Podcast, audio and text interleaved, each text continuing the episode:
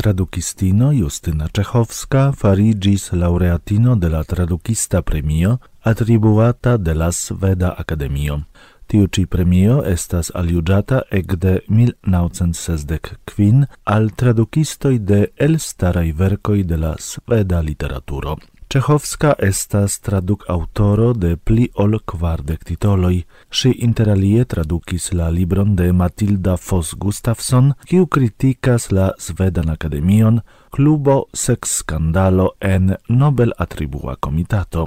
Czechowska tradukas ne sole el la sveda, Ancau el la Norvega, cae kiel informas sia biografia noto, en la areteo de la Societo de Literaturae Traducistoi, si estas literaturologo, cultur animanto, autoro de articoloi, antologioi cae interviuoi.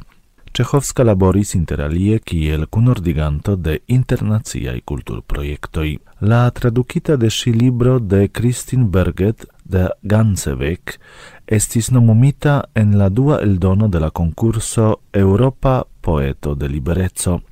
En 2010 ok si farigis laureatino de la premio de Wisława Szymborska pro la traduco de la libro Eniru Historion de Lin Hansen. Ec de 2010 quin si concreas la programon de la festivalo Retrovitai en traducado. Si estris la Societon de Literatura i Tradukistoi en la jaroi 2017-2020.